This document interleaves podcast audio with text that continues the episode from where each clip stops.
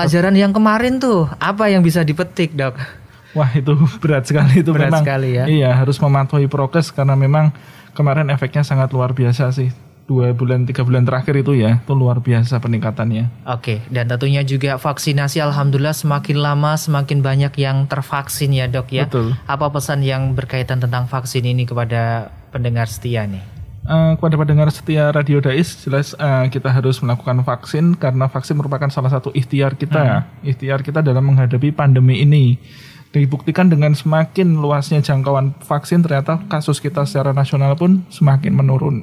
Jadi memang vaksin ada efeknya terhadap penurunan kasus COVID ini. Ya, oke, ikhtiar yang insya Allah terus eh, apa namanya membuat lingkungan atau kondisi semakin lebih baik ya. Betul. Oke, dan tentunya juga untuk monitor Dais, yuk bareng-bareng jaga diri sendiri dengan menjaga diri sendiri juga menjaga sekitar kita ya. Iya betul. Oke, ini pembahasannya cukup berat, berat juga untuk eh, ini apa namanya ketika mendengarkan tumor, apalagi di bagian paru. Tapi kita tentunya juga ingin mengetahui dok supaya edukasi atau pengetahuan kita bertambah.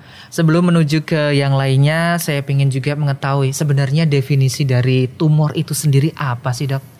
Tumor sendiri itu adalah sebenarnya benjolan. Benjolan ya? Iya benjolan dan itu belum tentu ganas. Oke. belum tentu kena. Jadi suatu benjolan di mana pun itu berada, misalnya di tangan, di paru, di jantung atau di hati itu namanya tumor.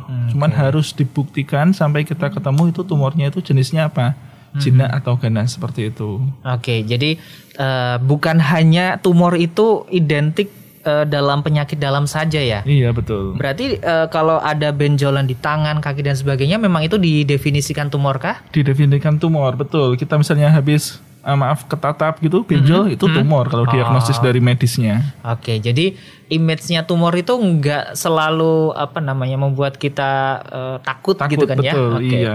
Nah, sering kali juga tumor itu disama dengankan kanker, Dok. Iya, betul. Nah, itu gimana tuh? Ya memang karena tadi ya, sudah saya sebutkan kalau tumor itu bisa dibedakan jinak atau ganas dan itu harus kita kejar kalau ada tumor.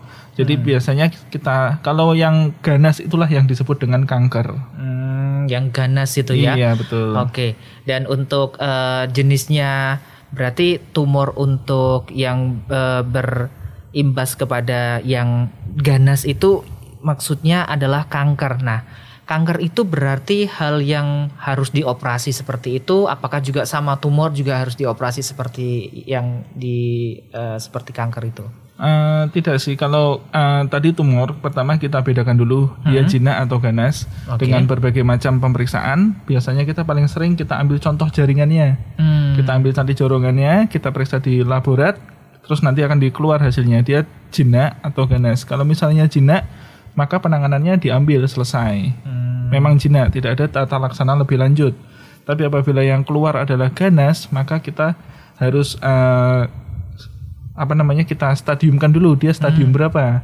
Karena nanti penanganan kanker karena sudah ganas ya, Mm-mm. kita sebut penanganan kanker jangan tumor. Penanganan kankernya itu berbeda-beda di tiap stadiumnya. Jadi eh, kita harus explore lebih lanjut kalau memang itu ketemunya adalah suatu ganas atau kanker. Oke, dan untuk gejala awalnya biasanya itu secara fisik maupun yang dirasakan oleh pasien ketika menderita tumor baik itu jinak maupun ganas apa saja dok? Kalau tumor atau uh, yang organnya di luar mungkin kita lebih mudah melihatnya ya karena ada Betul. benjolan gitu. Mm-mm. Tapi kalau di dalam itu lebih sulit.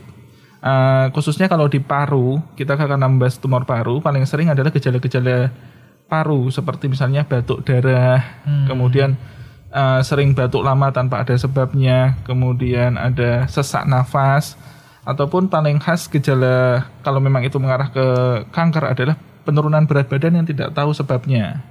Nah, biasanya kalau ada gejala-gejala seperti itu dengan ada resiko-resikonya, kemungkinan kita akan kejar. Kita lakukan pemeriksaan-pemeriksaan, kita screening istilahnya untuk menentukan apakah memang itu eh, ganas atau tidak.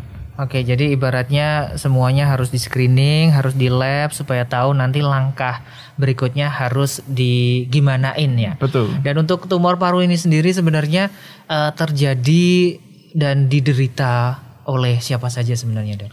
Uh, kalau untuk tumor paru sih secara epidemiologi, epidemiologi itu paling banyak diderita oleh laki-laki. Seperti Laki-laki. iya, Hmm. laki-laki paling banyak dan perokok. Hmm. Perokok. Jadi memang salah satu faktor resiko untuk terjadinya kanker paru adalah uh, orang dengan riwayat merokok lebih dari 20 tahun.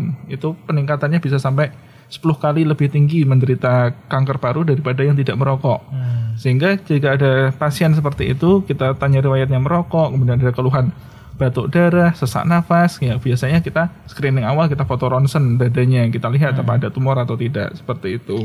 Oke dan eh, ngomongin tentang perokok kadang kan sekarang kita bisa membedakan dengan perokok aktif dan juga perokok eh, pasif ya dok. Iya.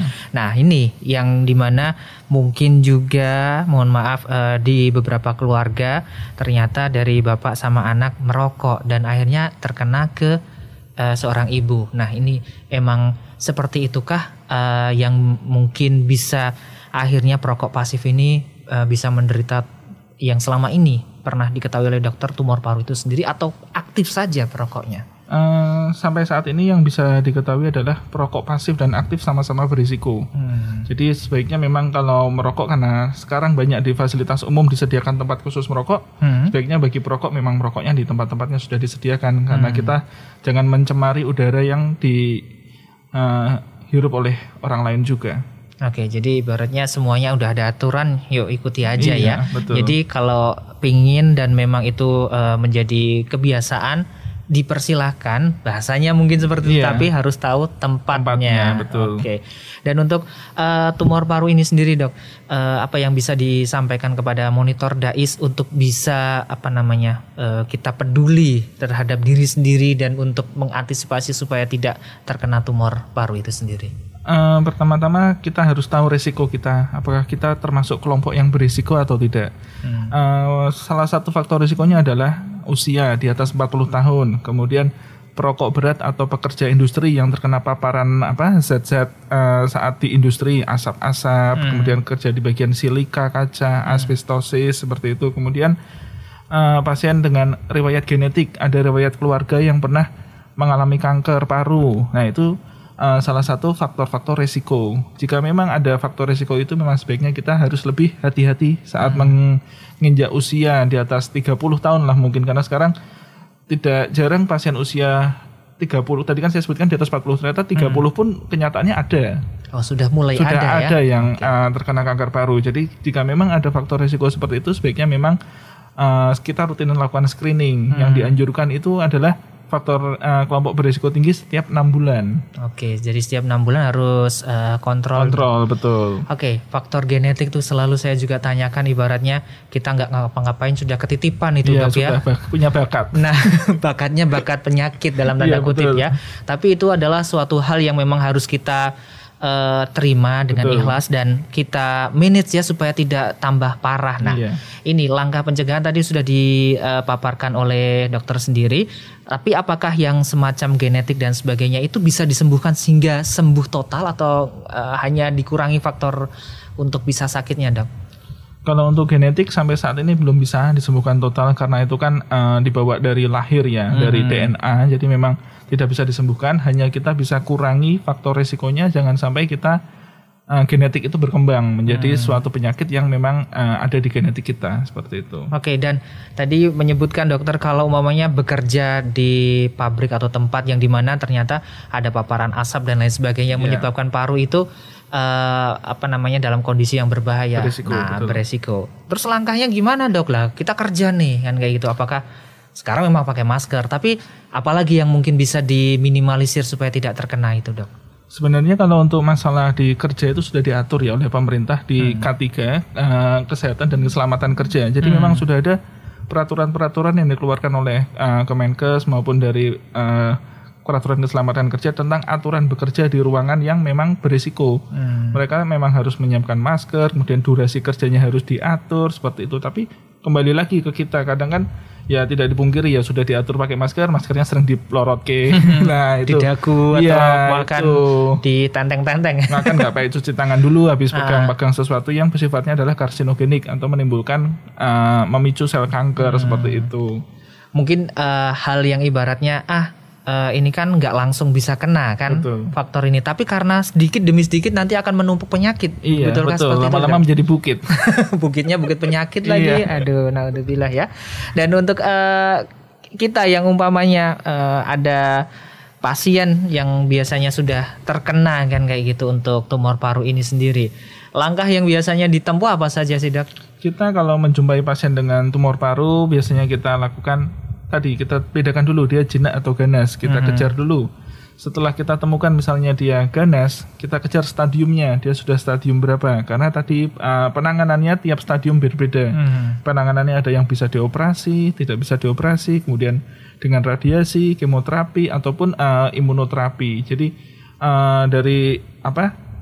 dunia medis pun uh, menurut stadiumnya sudah ada guideline-guideline-nya sendiri untuk melakukan uh, terapi pada pasien dengan kanker paru. Oke, dan uh, banyak sekali saya tadi juga baca dalam uh, beberapa pertanyaan kayak gitu. Ketika melaksanakan ataupun akhirnya dioperasi nih dok. Berarti kalau dioperasi sama dengan pasti ganas kah? Uh, justru kalau dioperasi itu kan kalau misalnya tadi tumornya jinak biasanya dioperasi selesai. Oke, kalau Dioperasi- ganas? Kalau ganas biasanya setelah dioperasi kita perlu evaluasi. Misalnya oh, ada tindakan ada lanjutan tindakan ya? lanjut. Jadi memang uh, kalau kanker paru yang stadium masih awal, pengobatannya adalah operasi. Hmm, Begitu dioperasi dia selesai kankernya itu. Cuman kita ada evaluasi lagi, misalnya enam bulan kita bulan. CT scan ulang, nyebar nggak? Takutnya kan ada penyebaran. Nah itu, jadi tetap harus uh, ada evaluasinya. Oke, ada penyebaran atau enggak berarti ada suatu hal yang harus dilakukan supaya tidak tambah mer- eh, merambah ke bagian-bagian lain gitu dok. Iya. Dan untuk komplikasinya biasanya ini eh, untuk eh, yang apa biasa terjadi itu bisanya merambahnya ke bagian apa dok? Kalau yang kita bicarakan kanker paru ini merambahnya sangat banyak ya mas. Jadi uh, paling sering merambah ke tulang, kemudian ke liver, ke hati, kemudian ke otak juga bisa. Bisa ke mana saja sih? Ke mana kalau kanker saja ya? itu? Oke. Iya. Tapi untuk eh, langkah-langkah yang ibaratnya bisa ditempuh oleh pasien sebenarnya banyaknya berhasil ya dalam artian eh, tingkat keberhasilan untuk bisa menangani eh, tumor paru ini sendiri kalau dari pengalaman dokter sendiri berapa persen atau bahkan melebihi 50 persen atau bagaimana? Kalau ketahuannya masih stadium awal, angka kesembuhannya tinggi. Oke. Angka kesembuhannya tinggi. Kalau stadium 1 sampai 1B itu masih tinggi. Eh, keberhasilannya bisa sampai 80-90 persen. Cuman eh, kebanyakan sih pasien kita datang ketahuannya udah penyebaran ke mana-mana itu yang sulit. Kalau sudah sampai stadium 4 sih angka harapan hidupnya memang kecil. Oke, nah ini untuk kita semuanya bisa mengantisipasi tadi sebelum kita mulai itu juga berbicara mengenai apa yang biasanya disebutkan oleh pasien. Saya ngerasa nggak apa-apa. Nah, iya betul. Dok ini dok, saya pun juga kadang mengantisipasi diri sendiri. Kayaknya saya sehat. Saya saya menyebutnya kayaknya dok. Tapi habis itu langkahnya gimana ke depan supaya bisa menjaga tubuh itu ternyata harus di apa namanya digimanain lah ibaratnya kan kayak gitu. Apa yang menjadikan hal-hal yang bisa dilakukan dok? Kalau hal-hal yang bisa kita lakukan kalau dari segi medis otomatis kita harus uh, medical check up ya. Mhm. Kita rutin medical check up misalnya kalau orang tidak berisiko bisa sampai uh, tiga tahun atau lima tahun sekali. Tapi kalau yang berisiko tinggi tadi bisa sampai satu tahun atau enam bulan. Jadi memang rutin harus check up sama tetap jaga kesehatan sih. Oke, jadi harus ke dokter itu mohon maaf tidak menunggu dengan sakit, Betul, ya. Tidak nunggu sakit. Dan kita bisa melakukan medical check up itu untuk mengetahui. Biasanya tapi medical check up tuh bikin setelah itu malah kepikiran dok. Iya, Bagaimana itu. memanage pikiran dan juga eh, psikologi setelah mengetahui. Mungkin kita bisa belajar untuk langkah-langkahnya dok. Eh, kalau untuk memanage itu kita harus yakin sih maksudnya kalau kita tahu kita sakit eh, sesuatu kita harus optimis kita konsultasi dengan dokter apakah bagaimana langkah pengobatan kita bagaimana eh, progres kita ke depan. Jadi komunikasi antar dokter dan pasien sangat penting. Jadi kita harus jalan beriringan. Kalau mengobati dokter dan pasien harus bersama-sama. Tidak bisa hanya pasien sendiri atau dokter sendiri. Jadi kita harus berkolaborasi supaya mencapai output yang baik kesembuhan dari pasien. Harapan pasien untuk sembuh itu berarti juga eh, tidak hanya langsung menggantungkan ke dokter. Dokter eh, ini adalah untuk penyambung ya Iya, untuk betul. membantu saja ya. Iya betul. Oke, tanpa adanya semangat, tanpa adanya eh, komunikasi yang baik dari pasien, tentunya juga pengobatan tidak bisa berjalan dengan lancar ya. Iya betul. Pernah nggak dok dalam suatu kasus eh, tumor paru ini eh, mungkin ketika didiagnosa pasien itu menyembunyikan data supaya tidak diketahui biar eh, tetap bisa di rumah nggak dirujuk ke rumah sakit gitu dok? Eh, biasanya sih yang kita temui kalau masih eh, ada tumor paru gitu banyak yang menyangkal. Jadi nggak mau kita lakukan pengambilan contoh jaringan. Nah, jadi merasa tidak apa-apa. Kok padahal eh, data-data yang kita temukan saat pemeriksaan dapatkan ada tumor paru, tapi karena tidak merasa sakit, tidak ada keluhan, biasanya pasien menolak untuk dilakukan tindakan. Itu yang sulit juga sih untuk kita untuk eh, mengedukasi pasien agar eh, diambil contoh jaringannya seperti itu. Apakah eh, hal itu terjadi karena ketakutan bayang-bayang bahwa tumor paru itu sesuatu hal yang akhirnya mohon maaf membuat eh, masa untuk bisa berkumpul keluarga berkurang dan akhirnya wah ini pasti nanti harus terus minum obat, ada operasi dan sebagainya atau ada faktor lain kalau menurut dokter Wahyu lihat ini? Kalau menurut saya sih ada faktor lain sih karena biasanya pasien merasa nggak apa-apa itulah yang sulit kita membuat pasien yang ya karena memang pasien yang merasakan ya. Jadi kita nggak bisa mengatakan bahwa bapak ini sakit ini, nuh saya nggak sakit kok kita kita paksa sakit juga tidak bisa seperti itu.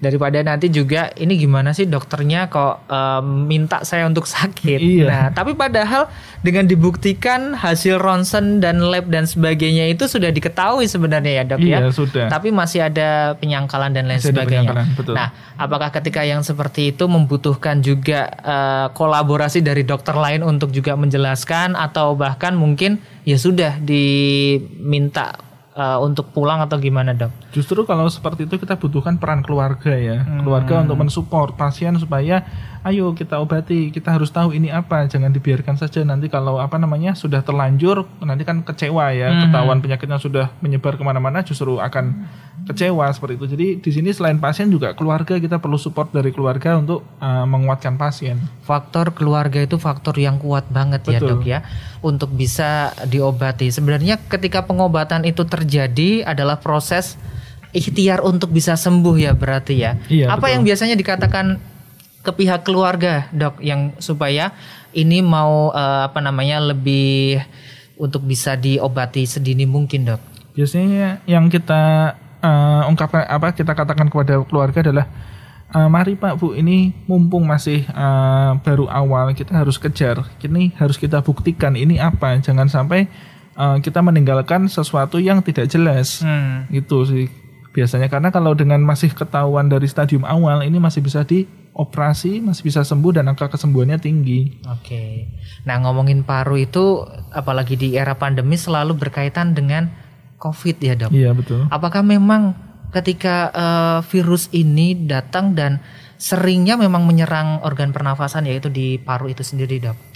Iya betul. Kalau memang eh, untuk COVID sih memang menyerangnya sebenarnya banyak banyak organ ya. Hmm. Terakhir pun kulit pun bisa terserang COVID. Hmm. Tapi memang eh, mungkin karena gejala yang paling berat adalah karena paru karena itu kan mengganggu pernafasan ya. Itu yang menyebabkan kematian istilahnya sehingga eh, menjadi yang paling ngetren lah akhir-akhir ini seperti itu. Oke, berarti memang eh, apa namanya bisa dibilang dengan komorbid ya istilahnya ya. Iya. Dengan Penyakit komorbid penyerta. penyerta yang ibaratnya bagian paru dan sebagi- eh, yang pernafasan itu eh, identiknya akan diserang padahal juga di bagian lain pun juga seperti itu. Nah, yang eh, apa namanya bisa dibilang oleh dokter Wahyu bahwa tapi ada juga kan kemungkinan dengan komorbid itu pun tetap bisa sembuh kan, Dok?